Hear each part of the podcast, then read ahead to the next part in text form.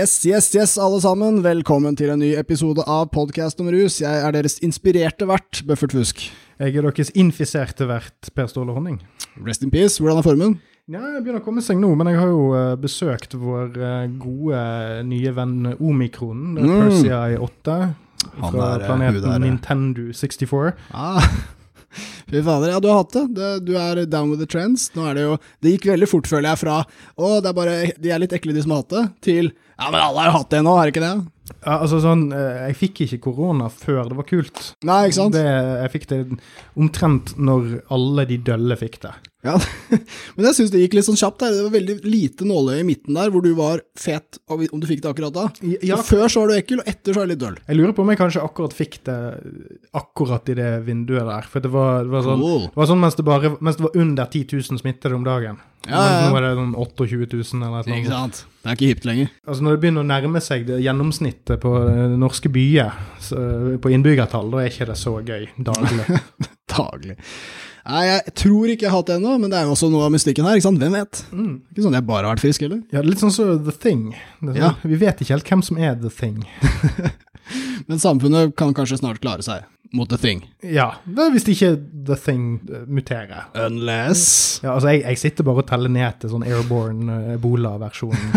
eh, og, så, og så, Da kommer òg Nakstad til å stå der og sånn si Nei, nei, dette går både bra og til helvete samtidig. Eh, les boken min. Ja, ikke sant. Det var derfor Nakka fikk, uh, fikk det. Fordi han, uh, boka solgte ikke så bra. Ja, men altså, Jeg begynner å lure på om denne pandemien egentlig bare er en scam fra Nakstad for å bare være i vinden. For at, hva skal han ellers liksom livnære seg av? Det å være, være sånn innleid til utdrikningslag som sånn fyr som ser vagt ut som Joey Tribbiani fra Friends, bare på en dårlig måte. Old Joey. Ja. ja, gamle Joey! ja, veldig mye TV-tid. Det er jo en viss egeninteresse der. Det er jo klart. Han, han, kan jo bare late som han er bare nobel, men nei. Altså, jeg skulle gjerne, eh, sånn Apropos innsyn, skulle jeg likt å sett liksom reiseregningene til Nakstad fra sånn mm. sånn 2019, om det er noen sånne turer til et våtmarked i Kina. I hvert fall taxi til og fra VG-huset tre ganger om dagen.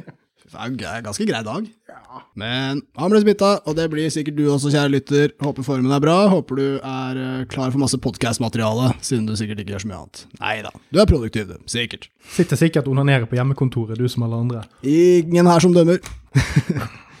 jeg holdt på å si det er det hjemmekontoret er til for, men jeg tar det tilbake.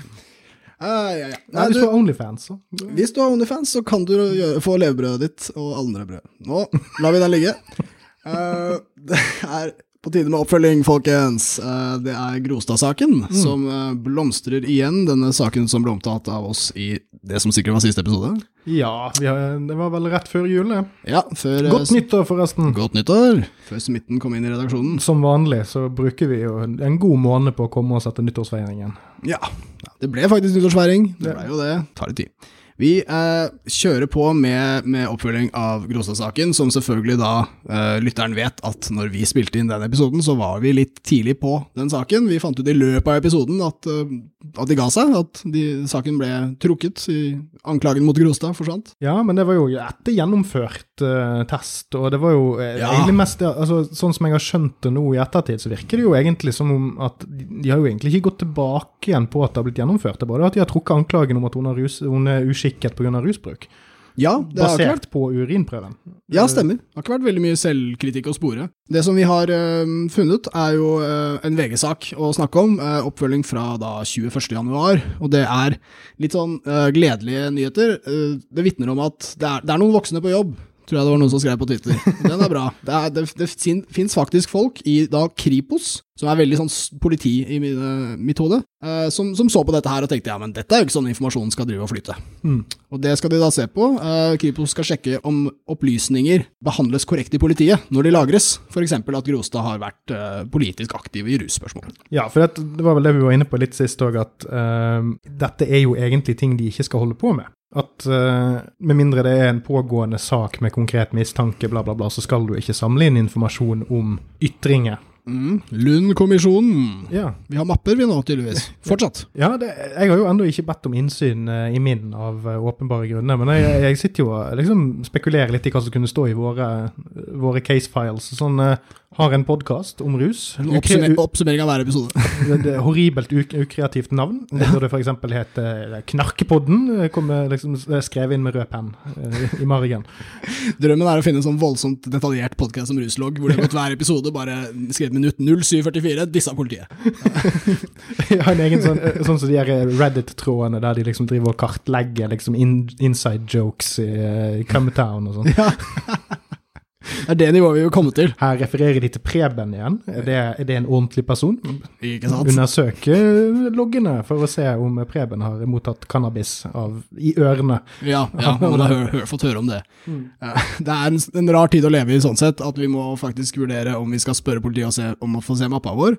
Eh, I den forbindelse kan vi jo informere lytteren om at du trenger ikke å gå til politiet. Det er jo tross alt litt sånn kjipt å si hei politiet, jeg har hørt dere hater meg, Eh, kan jeg få lov å lese hva dere har skrevet om meg? Det, det virker ikke som eh, maktbalansen er helt uh, fair der. Nei, det er litt sånn her eh, Hei, politiet, jeg lurer på om dere har rettet et urettmessig søkelys på meg. Ja. Det vil jeg gjerne gjøre dere oppmerksom på, sånn at dere kan rette et urettmessig Ja, søkelys ja, på ikke meg. sant. Og nå må dere være ærlige og si til meg alt dere har. Ja.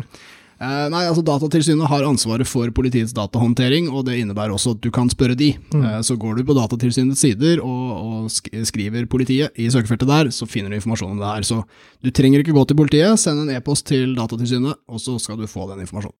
Og det er synd at vi må i det hele tatt tenke tanken, syns nå jeg. Ganske sprøtt. Jeg vet ikke hvor mange temaer eh, Det kan hende det er andre grupper som er dokumentert på samme vis. Kanskje det er noen høyreekstreme eller noen som de anser som like ille som oss. Men, uh, Men der er det jo litt andre ting inn i spill, da. For når det kommer til høyreekstreme, eller du kan jo si venstreekstreme for den saks skyld, altså det, nå omtaler jeg det mer ut ifra liksom eh, Det varierer litt ut ifra hva skadepotensialet realistisk sett er, da. eh, ja. Fordi Og- Hvis man ser på høyreekstreme, så vet man jo det at man har uh, en viss kobling mellom ting som kan foregå på nett Mhm. i forkant, og hva som kan skje i etterkant. Mm. Uh, så der er det jo Men, men det går jo litt under, inn under PST sine det, oppgaver. det gjør det, altså. og det det. eh, der tror jeg òg at La oss si at du har en Twitter-konto der noen sitter og sier 'pakkisene må hjem'. Ja. Uh, de skulle hatt juling. Altså, sant? Mm. altså, det, det er visse ytringer der som gjør at det er lett for politiet å faktisk ha legitim grunn til å overvåke noen. Og så, eh, sånn, ting som går på voldstrusler, altså ting som går på liksom allmenn skade, Mm. altså fysisk skadepotensial, er jo innunder ganske andre rammer enn det å ytre seg om ønsket politisk endring. Ja, Det er liksom forskjellen på å overvåke stortingsgruppen til Frp og overvåke liksom Sian. Ja, og det, er- det, er, det er et godt poeng. Det er under PST sin fane. altså Det handler om sikkerhet. Um, fristende å nevne også at hvis du ser på høyreekstreme som gruppe, så er det jo de som har utført alle terrorangrepene i, i Norge opp i den siste moderne tiden. Men, eh, men det er jo helt åpenbart at eh, dette handler om noe annet. Og altså, Politiet i Norge har eh, mye tillit til befolkningen, mye skjønn de har lov å bruke i jobben sin, og de får jo lov da å notere ting. Og så er det jo at det ikke blir ettergått, at det ikke blir noe særlig kontroll på det. Og så viser det seg at i denne Gråstad-saken så har jo det dukket opp som avgjørende opplysninger, eller som på en måte har vært vektlagt. Og eh, heldigvis reageres det på det. Eh, Det Kripos skal sjekke er altså det ble opprettet et kontrollarbeid i Kripos som følge av denne saken, så bare skryt til Grostad for det, for her har det i hvert fall eh, pekes det på at det handler om konkret dette tilfellet. Vi har eh, fått inn en eh, midlertidig prosjektstilling, og vedkommende har fått eh, blankofullmakt på kopimaskinen. Lykke til med det! Ansette oss som erfaringskonsulenter i Kripos. Vi har sikkert blitt overvåka. Um, det er uh, omfattende arbeid, dette her, skriver Nedberg, uh, som uh, uttaler seg, altså Mari Herskog Nedberg, leder personvernseksjonen i Kripos, i en pressemelding. Sier at det kommer til å ta rundt et år. Det er altså et omfattende kontrollarbeid, og de må bruke litt eh, tid på å rigge dette arbeidet slik at tiltaket treffer godt og får en ønsket effekt for fremtiden. Og Det er særlig det at politiet fremstår som overvåkende at Kripos reagerer på, hva, hvordan dette fremstår for befolkningen. Ja, og jeg er jo litt sånn eh, Jeg vet nå ikke hvor mye de kommer til å klare å avdekke der. For at dette slår meg som ting som kan Og det nevnte jeg sikkert sist. eh, Dette slår meg som informasjon du kan innhente ganske uformelt. Ja. Altså, Alle offentlige etater har jo ulike sånne dataregistreringssystemer. sant? Altså, du har innsynsplikt, bla, bla, bla, bla. bla. Men det går jo òg helt fint an å ha en egen liksom, mappe på desktopen din, der du bare kopierer inn screenshots og ikke logger et eller annet sted. Mm. Eh, Det er jo fullstendig mulig, og med tanke på hvor samrørt disse tingene er Man kan jo som kjent ikke lage en, om, en, lage en omelett uten litt samrøre. Eh, og eh, med tanke på liksom disse her uformelle forbindelsene som er avdekket i politiet i nyere tid, så er det, det altså, når, når vi gikk gjennom Grostad, så- altså det Grostad fikk tilsendt eh, fra Nav slash politiet under den aksjonen der, så, så fremkom det ikke så veldig tydelig hvem som hadde satt på hvilken informasjon, og hvem som ga den informasjonen til hvem. Mm, det kan sant vel så gjerne bare være noen som har sendt en mail og spurt vet du noe om hun her, du som pleier å samle på sånt. Mm. Eh, For alt vi vet, det har ikke kommet fram noe. Så det, det spørs liksom på hva slags Altså hvor mye ressurser setter de av? Eh, hva er det de undersøker? Eh, hvem spør de? På hvilken måte? Masse sånne ting. Mm, ja, absolutt. Og det, Ut fra VGs artikkel så kommer det også frem at det er eh, regler for registrering. Mm. For det sier også denne Nedberg fra Kripos at vi vil undersøke om reglene for registrering etterleves, og om informasjonene i registeret har den nødvendige kvalitetssikringen. På det siste så kan vi vel konkludere allerede. Ja, men altså bare den her eh, innsynsretten gjør jo at det, det gir jo insentivet til å ikke være så ekstremt eh, etterrettelig Mm. når smutthullene finnes, Mm. tenker jeg. Og, og hvis man, som politiet ofte gjør, tenker at målet helliggjør midlene. Mm. Så som jeg sa, uvisst hvor, eh, hvor lett dette er å faktisk avdekke. Ja, absolutt. Og jeg vet at folk utenfor rusdebattene, de, de er ofte litt sånn der Hæ, har ikke weed blitt lovlig ennå? Er jo det i USA? Eh, Men altså, det her er jo en, en, eh, noe å registrere for de litt utenfor. Altså fordi alle kjenner en paranoid cannabisbruker, eksempel, som tror han blir kanskje litt mer overvåka, kanskje er litt viktigere i politiets øyne enn han egentlig er. Og sånne ting, og så viser det seg at de gjør det jo. Altså det er, De syns disse folka er veldig viktige. Hvis du driver og sier 'jeg syns hasj er greit' på internett, så syns de du er en sånn person of interest. Og det er jo da det de paranoide har sagt hele tiden. Det er ganske fascinerende. Eh, Jeg trodde egentlig ikke de hadde rett på akkurat det, men, men siden politiet på en måte er enig med dem da, om at de er skikkelig kriminelle, så viste det seg å stemme. Ja, men altså hvis du ser litt stort på det, så er det jo noe sant i setningen eh, bare fordi at du er paranoid, eh, paranoid, så betyr ikke det at de ikke er ute etter deg. Ja, Så altså, det, kan hende at de bare ikke er ute etter deg akkurat på den måten du tror. ja. Det er ikke sånn at de sitter liksom og følger med på eh, liksom hvert eneste bevegelse du gjør, men det kan hende at du kanskje havner i et søkelys hvis du gjør en ting på en gitt måte. Ja, og den gitte måten er jo interessant her òg. Fordi, ikke sant, altså, hvis du er en sånn spak narkobruker, en som holder kjeft og ligger i skyggen og ikke gjør så mye nummer ut av det, så er, mye, så er ting mye mer greit. På politiet ser det ut som, men det er når du driver og hever stemmen, driver og påvirker, Mm. driver og uh, sier ting som at narkotika ikke er forferdelig, uh, da begynner du å bli en, en fiende av staten. Og Ja. det er ganske fucka. Ja, og så var det jo òg denne her eh, Hun ble jo òg utsatt for et, eh, et ruskontraktsforsøk. Ja, det var en fucka del av dette her, må jeg bare si, når jeg først bruker det ordet. Det er jo Hege som skriver selv. Jeg siterer, hun ene dama i rus og psykiatri prøvde å få meg til å signere en kontrakt før de hadde prøvesvarene, der jeg angivelig hadde valget mellom rusprøver tre ganger per uke hele svangerskapet eller tvangsinnleggelse. Ille nok hva de finner på uten bevis. Sitat slutt. Wow! Ja, og der er det jo to tolkningsvariasjoner, Mm. litt ettersom, og det kan hende at det, det de spilte litt på i den situasjonen òg. Mm. Eh, fordi at det scenarioet der utspiller seg jo sikkert hele tiden. Det at man henter inn noen til rustesting. Mhm. Og der har du et, eh, et nøytralt, et, slags slags Kashmir-område juridisk mellom at testen er tatt Mm. og til prøveresultatene er klare. Mm. Og da vil det jo sitte en del folk som har kanskje røyket på seg litt uh, nylig og vet uh, hva vei dette går. Mm. Og da kan man komme Riktig. inn med en ruskontrakt og si ja, men vi kan jo bare skippe alt dette, og så kan du bare, Ja. bare si at du pisser, og så er vi ferdig med det. Ja. Og, og da er da spørsmålet om det nå her var implisert en trussel om at hvis du ikke signerer dette, så kommer du til å bli tvangsinnlagt. Mhm. Eller om det er sånn at det er, er formulert på en litt krøkkete måte, sånn at du samtykker Hvis du samtykker til ruskontrakten, så er valget rustesting eller tvangsinnleggelse Ja. når du har signert. ja, det står Og altså på frasagt deg en del juridiske rettigheter pga. at det er bindende. Ja, jeg tenker også det heller mot det, at det var en, en slags ruskontrakt, og at alternativet implisitt, og sikkert stående på kontrakten, var tvangsinnleggelse. Altså hvis dette ikke går, eller så blir det det. Og da vil man jo gå med på det. Ja, og, det er, og i en veldig sårbar situasjon, akkurat utført prøver. Ja, og et, et juridisk område som hvermannsen egentlig sjeldent eller aldri befinner seg i. sant? Mm. Og hvis du ser for deg 18-19-20-åringer, unge voksne, som uh, egentlig ikke er under noe mindreårig beskyttelse eller Mm. whatever, så er det jo enda mer aktuelt. Og, fall, og egentlig kanskje for yngre enn det òg, pga. Liksom, uh, Mm, mm. straffealderen er jo 15, og whatever. Så, Ja.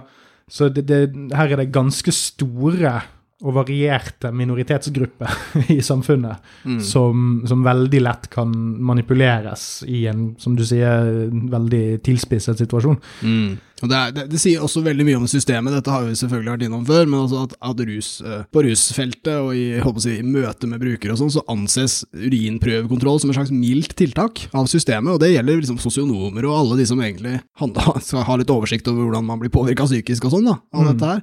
Men hvis du er en gravid kvinne som må levere rusprøve tre ganger per uke gjennom hele svangerskapet, så kan ikke det ha en særlig god psykologisk effekt på deg. Nei. Dette er jo å tappe kroppsvæskene for å sjekke om folk er lydige, og så, og så er du gravid i tillegg, og, og staten har liksom fått deg med på dette her.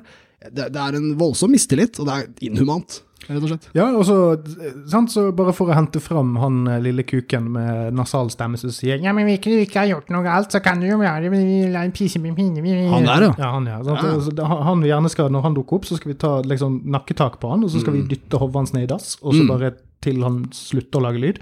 Ja. Eh, ikke, ikke en annen ordentlig fyr, nå snakker vi om liksom den metafysiske gnomen som manifesterer seg med en gang man liksom fremstiller dette da, Det eh, i en samtale. Ja. Uh, men, men for å ta det, da, så er det jo det, altså det er jo det å komme inn i noens hjem og kreve ting av det, eller å tvinge folk ut av sitt hjem for å liksom bli kontrollert av staten. Staten! Snuten! Det er jo det som er issuen her. Mm. Uh, og det overtrampet er så stort at det er latterlig å si at det er ålreit bare fordi at du ikke har noe å skjule. Det går, kommer alltid tilbake igjen til det der jævla drittgreiene med at har du ikke noe å skjule, så har du ikke noe problem. Nei, samme kan de si i fuckings Nord-Korea. Sorry for at jeg måtte dra det kortet. Det er hitling, I know. Fuck you. Jeg orker ikke mer. Du kimma debatten. Også kjent som Kims lek. Kims lek, Nord-Korea.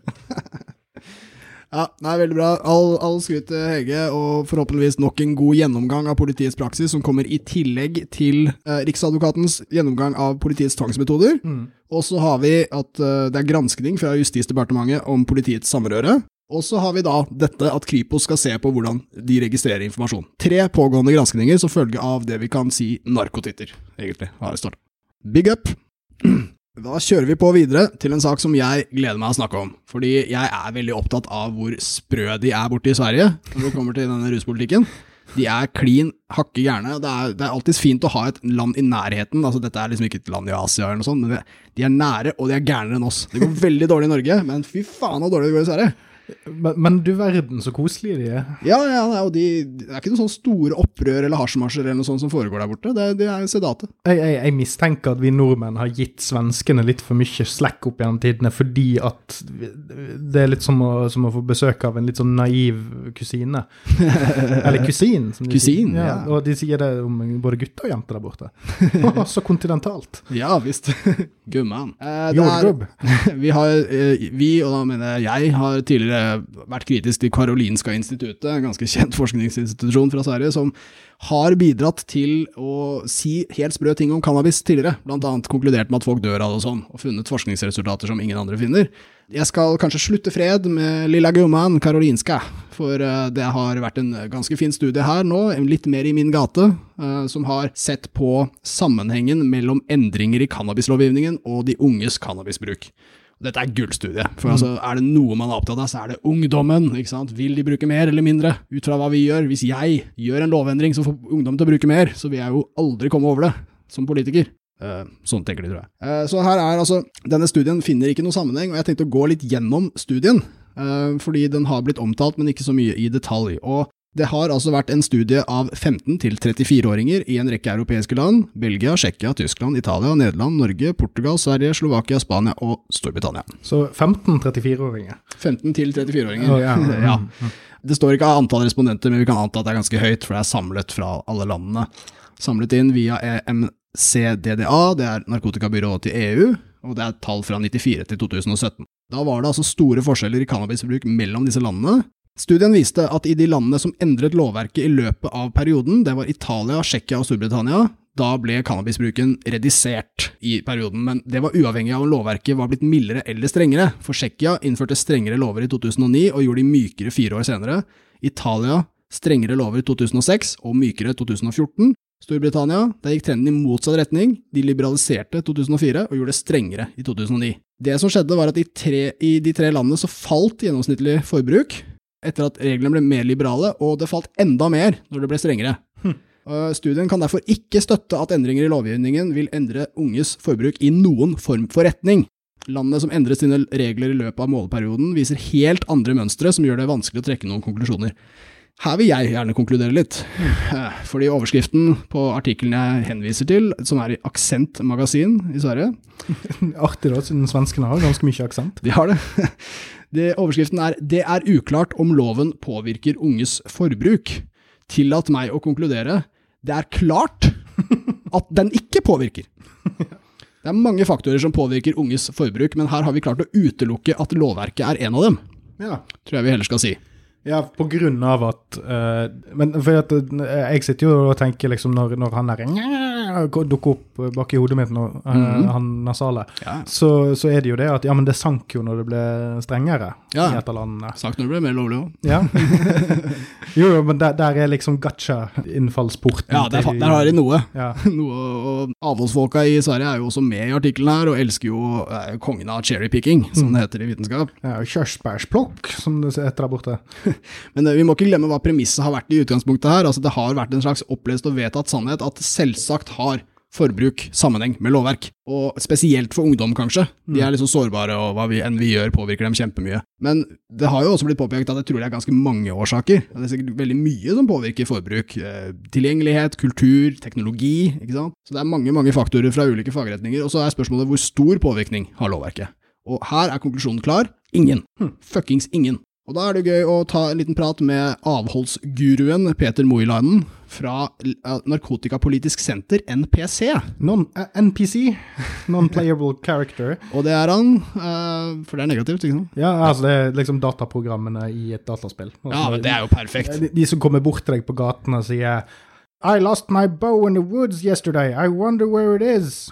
Og så kan du gå og finne buen til han inni skauen og gi han tilbake, og så får du en gullhøne eller et eller annet sånt. Ja.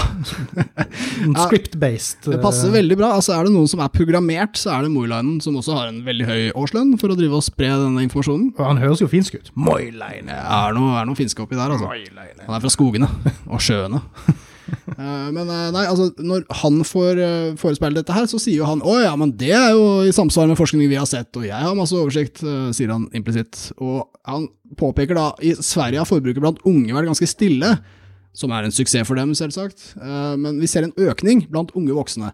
Og så spør Morainen har kriminalisering noen betydning der, eller har noe annet endret seg. Det kan også være vi har redusert det forebyggende arbeidet mot rusmidler de siste tiårene. Det kan også være at vi har. Nei, det har de ikke. Eh, de har økt den, og det veit han. Og igjen så stiller han da spørsmål med konklusjonen til studien. Kan det hende at kriminalisering har noen betydning? Nei, Peter! Det er det studien viser.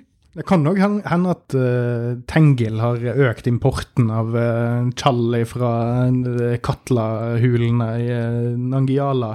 Ja. For jeg kom på når vi snakket om kirsebær i sted. Jeg er ganske sikker på at i Brødrene Løvehjerte så er det et sted som heter Kirsebærdalen. Ja, Det ligger i Sverige, den. Ja, og da tenker jeg da, det, kanskje det er der de går og cherrypicker. det er der det er hovedkvarteret til dette MPC-senteret sitt. Ja. Altså, eh, Moland sier også vi jobber ut fra tesen om at kriminalisering har en forebyggende verdi. Det er en ganske fet kommentar å komme til forskere som har konkludert motsatt, i en stor studie.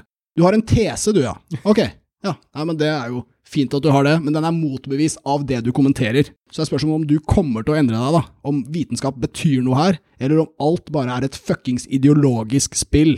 Ja, det altså, altså Den tesen der fremstår veldig som en sånn her drinkparaply når det kommer en orkan med fakta. Det ja. er liksom Ja, du har en tese, du, hvis du har en tese, så burde du jo kanskje prøve å bevise den, da. Istedenfor å bare si 'tesen er der'. Altså, Det her er jo akkurat det samme som kreasjonisme, basically. Det er sånn her 'OK, ja, men dere kommer her med evolusjon, og dere mener at uh, å ja, apekatter, uh, sterkestes uh, overlevelse og, Men har dere tenkt på at det ikke er det? Mm. Har dere tenkt på at bananen er perfekt tilpasset en menneskehånd? Har du tenkt på det? Masse. Og så ignorerer du det at bananen er dyrket fram av folk gjennom tusenvis av år for å nettopp.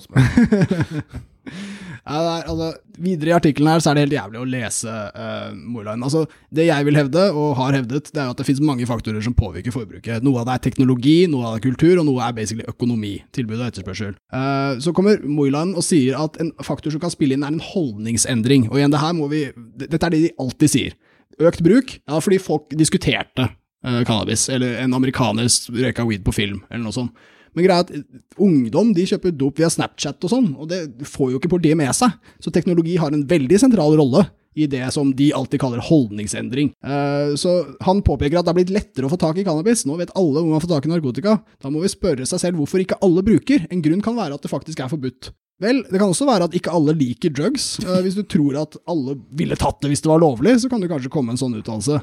Og så kan det også hende at alle de samme faktorene man har sett på med eh, rusbruk blant ungdom, òg er gjeldende, selv om liksom, tilgangskanalene er mer strømlinjeformet for de.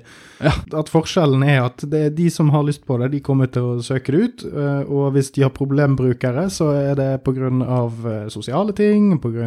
økonomiske faktorer, rasisme, bla, bla, bla, bla. bla. Mm. Eh, og da er det langt mer tungtveiende faktorer enn at du har en smarttelefon. Ah, Og så er det så og så det også det at når de kommer med disse argumentene, så er det sånn ja, ok, la oss si at Snapchat er en greie som politiet ikke har peiling på, og at det er det som er grunnen. Mhm. Hva er løsningen?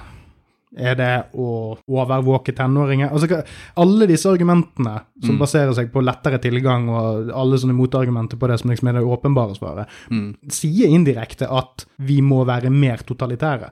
Vi må være mer autoritære. Vi er nødt til å overvåke mer. Vi er nødt til å ha sterkere fullmakter til å gripe inn i folks eh, datalagring, whatever. Det er jo det som er konsekvensene som kommer av denne typen argumentasjon, Det det. egentlig.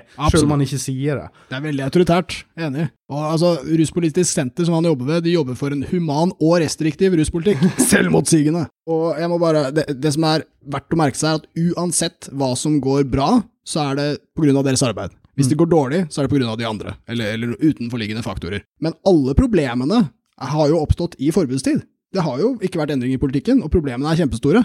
Så Sverige, og Dette er cannabissak, men altså, Sverige er på toppen av overdosestatistikken nå også, og de bruker mest penger i hele Europa på politiet og den håndhevelsen, som går kjempedårlig. Men Det som er fint i artikkelen her, er at Moiland peker jo på vel, det er mange som ikke bruker også, kanskje det er fordi det er forbudt? Ikke sant? Og så kommer selvfølgelig den flinke journalisten og har funnet en eh, undersøkelse. der Det er 1000 personer mellom 20 og 29 år ble spurt om hvorfor de ikke bruker cannabis eller ikke brukte det oftere. Blant dem som ikke brukte hasj, svarte 33% at det var fordi de ikke hadde lyst. Og 23% svarte det hadde sammenheng med at det var forbudt.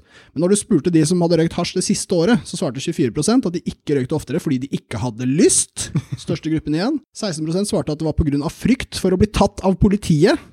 Og en 7% svarte rent at de ikke røyker oftere fordi det er forbudt. Så da ser vi over dobbelt så mange er redd for å bli tatt av politiet, versus de som nevner forbudt, Så da blir det mer en slags moralsk uh, føles type ting. Ja, De er redde for politiet, de er livredde, men de røyker faen meg hasj likevel, da. Ja, for at, det, for at loven er jo egentlig til stede for å regulere samfunnet, sånn at vi kan alle leve sammen noenlunde greit. Loven skal jo egentlig ikke liksom være et mål i seg sjøl. Så hvis argumentet ditt er at La oss si, Han fyren her vil jo mest sannsynlig tolke til at man er redd for å bli tatt av politiet som noe som liksom støtter hans sak. Men det de i realiteten sier, er at loven eksisterer for å skremme folk. Ja. Eh, ikke at loven eksisterer fordi at den er god.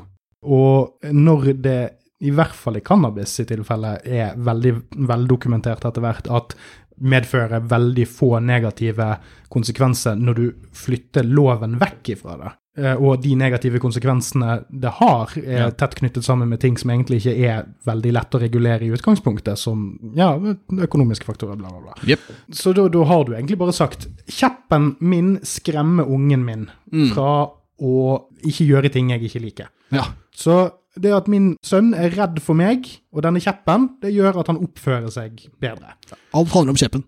Ja, Så det at han går og drikker seg drita og, og dør tidlig pga. traumene jeg gir han, det er bare et resultat av at loven funker.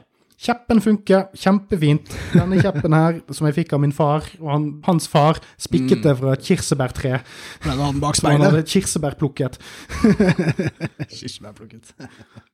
Nei, men det, altså, det jeg håper dette blir til, og som jeg også, også etterlyser når disse faglige debattene oppstår Altså Her er det to påstander fra to aktører, og begge er store og mektige. Jeg håper de ikke lar det ligge.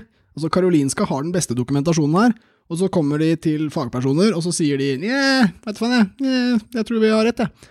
Da må Karolinska kjøre på. Da må de presse på. Det er deres ansvar å forvalte sannheten her. Og landet deres er jo i ja, ball, Disse organisasjonene har et ballegrep på Sverige. Det er ingen som klarer å stoppe dem. De har ikke engang vitenskapen på sin side, de er ikke i nærheten. Og så er de da en vitenskapelig organisasjon som nå er uenig med en mye bedre en. Det må bli noe ut av det. Det må det. Så Karolinska, om, om de lysner, kjør på. Vi rekker å ta med litt grann om den fantastiske teksten til eh, Silje Mack, som er skrevet i oslodebatten.no.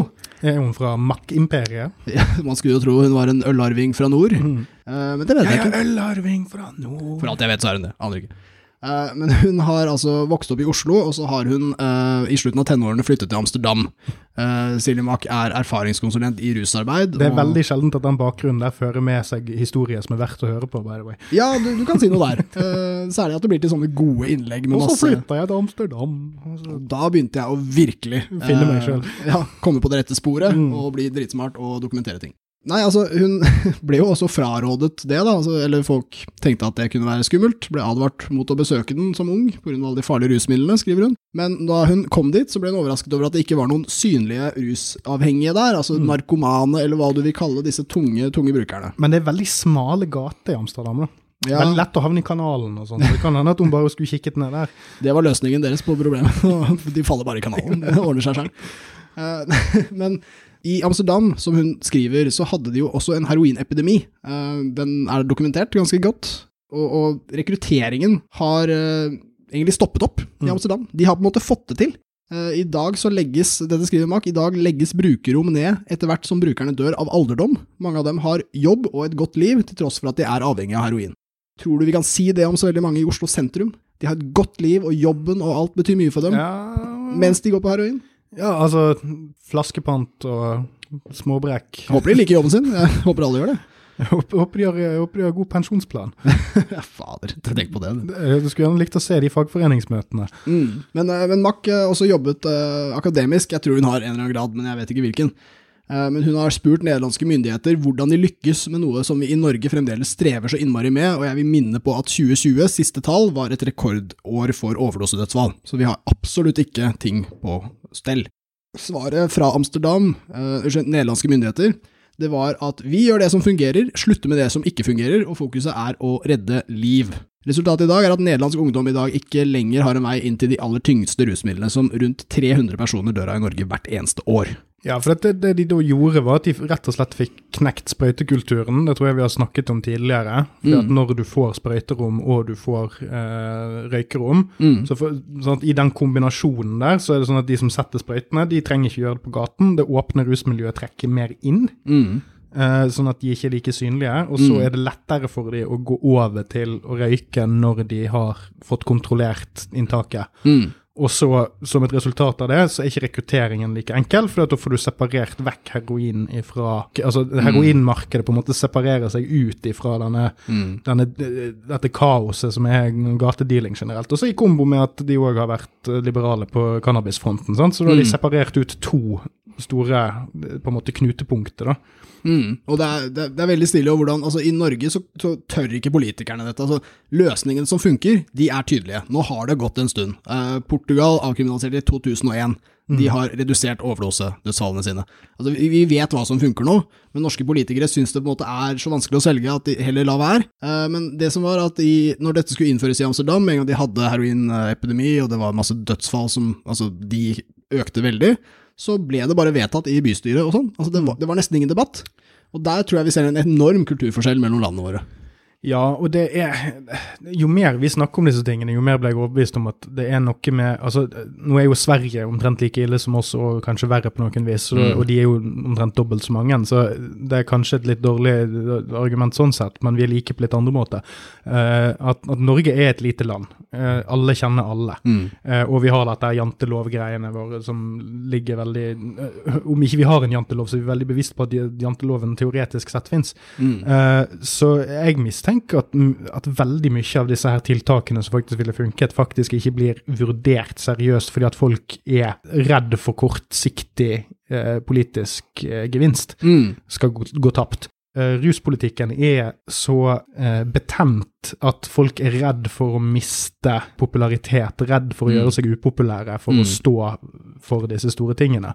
Eh, og nettopp heroindebatten er et veldig klart eksempel på det. Ja. Ingen som har lyst til å være de som sier at det er greit å være heroinist. Nei, og norske politikere blir mindre upopulære av å la folk dø, Mm. enn å faktisk være den som står opp og sier 'nå holder det'. I hvert fall i teorien. Altså, Ja, altså, I teorien. Altså, det, det blir litt som en sånn Schrødingers uh, heroinist. Altså, heroinisten lever og er død, helt til vi faktisk begynner å Den metaforen holder som faen, den. Ja, ja for det er sånn uh, Så lenge folk tror at de blir upopulære av å gjøre noe med Mm. dette her på den måten som det burde gjøres på, Ja. så kommer det ikke til å være endring. Mm. Uh, og det er jo det du har sett i Stortinget nå òg, og nå etter at Arbeiderpartiet og Senterpartiet stiftet den dølleste regjeringen i manns minne. Mm. At så lenge noen tror at de er vokterne av anstendighet, Mm. og at en- enhver endring vil koste de, så vil de Og vi ser jo at på, på meningsmålingene at det er eh, en, en eh, meningsløs taktikk, for det funker jo ikke å være ineffektiv heller. Det der Nei. å bare skulle beskytte en eller annen slags status quo i det evige, og utsette og utsette og utsette, det er jo òg en piss i buksen for å ikke fryse i hjel, liksom. Mm. Ja, absolutt. Jeg må ha et annet poeng med her òg. altså, fordi i Norge så stopper ofte debatten på br brukstall. Altså, det må ikke økes. Hvis, noe politikk kan føre til at ø bruken går opp, så må vi ikke innføre den politikken. Eh, og Mack tar også opp dette på en veldig fin måte, altså, fordi det er nemlig slik at nederlandsk ungdom de eksperimenterer litt mer enn norsk ungdom med diverse rusmidler, men de er i mye større grad beskyttet fra å utvikle problematisk bruk. Eh, hun har også skrevet om dette tidligere, hvor hun snakker med en forsker fra eh, Trimbos-instituttet i Nederland, og han sier at vi lykkes i dag med å holde unge vekk fra de tyngste stoffene, og de aller fleste vokser fra bruk av mildere rusmidler når voksenlivet kaller. Dette synes jeg er veldig fint å lese. Jeg tror også det stemmer i stor grad i Norge, at de fleste brukere kanskje eksperimentere mer som unge, Ja. vokser litt fra det. Men her ser vi en slags motsetning som ikke får plass i norsk politikk. Kanskje det ikke er mulig å senke forbrukstallene så veldig med politikk, som vi snakket om med Sverige. Eh, Så hva gjør vi da, ikke sant? Og eh, vil vi ha litt økt bruk, der ingen dør, eller vil vi ha lavere bruk og flere døde? Det ser ut til å være en motsetning, og i Norge har vi valgt det siste. Og det er 324 mennesker som døde av dette her i Norge i 2020. Og det de ser i Nederland, er at uh, ungdommen bruker mildere rusmidler. Uh, de vokser opp med lett tilgjengelig informasjon om hvordan de skal bruke trygt, og kan annet teste rusmidlene sine. Og kanskje viktigst av alt, fordi ingen blir straffa, stigmatisert eller utstøtt uh, fordi de ruser seg på noe annet enn alkohol, så har det en mye mer overkommelig eh, kulturell posisjon. ja, de er ikke redd for politiet, Mm. for eksempel. Nei, Eh, I like stor grad, i hvert fall. Nederlandsk politi er jo alle europeeres favorittpoliti, fordi de kommer fra sine forbudsland og elsker cannabis, og så kommer de ned dit, og så klemmer de politiet og oppfører seg som de rareste menneskene. Men det viser jo bare hvor utrolig viktig dette forbudet er for relasjonen mellom politi og publikum. Narkokrigen har gjort politiet til soldater. De skulle egentlig vært sånne der koselige nabolagskjerringer som gikk rundt og henta inn info. Spurte åssen det går. Åssen går det går det med han der? Er han utro, eller? Det? Er egentlig politiet. Ikke sånn der freeze, slå inn døra, skyte bikkjer i amerikansk dritt, liksom. Jeg kan også ta at Mack har fått besøk eh, fra Amsterdam til Oslo, og de får jo sjokk når de ser Oslo med eh, det synlige, åpne rusmiljøet, som alle syns er kjipt, kanskje særlig politikerne. De skulle veldig ønske at det var usynlig. Har likevel tatt null tiltak for å få dem innendørs. Ja, det gjeter de jo litt rundt, da. Ja, nei, de, de flytter seg jo sånn Jeg er egentlig litt 100 imponert over at de meter hvert tiår. jeg er egentlig litt imponert over at de ikke har begynt å bruke eh, gjeterhund på dem. Ja, nei, Det en border collie som bare liksom loser nei, de bruker fortsatt schæfer. Ja. men det er, de flytter seg jo et hun- 100 meter hvert tiår. Det er omtrent sånn det går i Oslo. Men Tiårets vakreste eventyr. Men Vi nå- skal nå- få de fra Skippergata til Brugata. suksess igjen. Uh, altså, Vennene til Mack de kommenterer jo altså, hvorfor er det ingen som gjør noe? Eh, og det, den føler jeg veldig godt. Det er et jævlig godt spørsmål, skriver også Mack. Eh, det gjøres jo mye, bare altfor lite av det som fungerer. Alltid et par tiår på etterskudd. Alltid for lite, alltid for sent. Som om alt bare er et spill for galleriet, og disse menneskene har vært ofret som brikker i spillet. Jeg tror òg det, fordi det, dette er en sak som det er veldig lett å late som om at du har gjort noe i, uten å gjøre en dritt. Mm. Fordi at uh, ethvert svar på en, et progressivt forslag kan alltid være Nei, men vi må tenke oss litt mer om, vi må ha noen utvalg, vi, må, vi skal vurdere det til høsten. Mm. Jf. Arbeiderpartiet og. Senterpartiet. Du kan late som om at du har gjort noe ved å protestere og si app, app, app, app, app, app. Nå må vi ta og tenke oss om to ganger før vi gjør noe galt her. Sånn i tilfelle det er galt. Vi sier ikke at det er galt, men det Mm. kan være galt, og da må vi ha to, tre, fire, fem, seks forskjellige utvalg. Ja, kanskje de f.eks. skulle satt ned et uh, tverrvitenskapelig utvalg som så på all forskningen på feltet og brukte to år på å lage en veldig veldig gjennomgående rapport. Det hadde vært noe. Jeg, sy jeg syns det høres litt for lite konklusivt ut. Høres ikke ut som de kanskje vet helt hva de snakker om. Nei, og så ja, og så må ikke vi liksom late som om at eh, vitenskapen uh, ut ifra verden er så lett anførbart på Norge. sant? Altså, vi må huske det at Norge har en helt annen vitenskap enn eh, Sør-Amerika og Nord-Amerika f.eks. Dette er jo også et sitat fra Fysikkens lov oppfører seg faktisk annerledes her. Dette er jo også et uh, sitat fra Trondheim Ap. 'Norge er ikke USA'. uh, Dukka også opp i, i debatten. Som, som er et sånn generelt argument. Du kan egentlig si det om alt. Ja, nå har de fått en veldig bra kvinnereform nede i eh, Malta, f.eks. Da fant på at 'Norge er ikke Malta'. Ja, da var jo debatten over, da. Ja, og så kan vi jo se på eh, kongen av Trøndelag, Trond Giske, og så kan vi si ja, men Norge er ikke Trøndelag heller. Nei, Det er Visst faen. Og, og Ap er faen ikke Ap i Trondheim, for det er faen meg den galeste fraksjonen av Arbeiderpartiet. Ja, det virker litt som at uh, Trøndelag eh, Arbeiderparti har, har fått det litt for seg at, at resten av Norge er litt sånn oppesne, siden vi har fått det for oss at liksom det, det er resten av oss det handler om. Mm.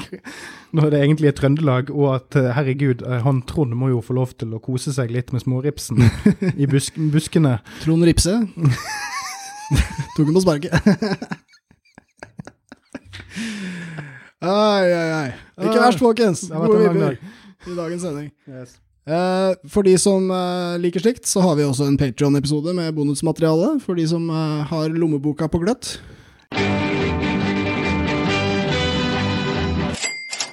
Ja, og eh, temaene der, hva var det? Vi skulle ta Det blir NNPF. NNPF, ja. Mad NNPF-fokus. Og så var det godeste Vi, vi tar oss òg Forresten, vi må huske at uh, på Patron så tar vi oss òg betalt per Willy. Per Willy. Ja. Amundsen. Ja, Amundsen. Han vil ha en uh, unnskyldning fra justisministeren fordi medlemslisten er publisert. Yes. Det skal vi snakke om. yes. Yes, Takk for en eh, nydelig nyttårsepisode, kjære lytter. Ta også, Hold deg frisk, da. Ta, ikke bli så veldig sjuk og dø og sånn. Ja, og, og hold deg unna Trond Ripse Ja. Pass deg for Trond, og for covid. og den jævla campingvognen hans. God natt. Ah, god natt, alle sammen.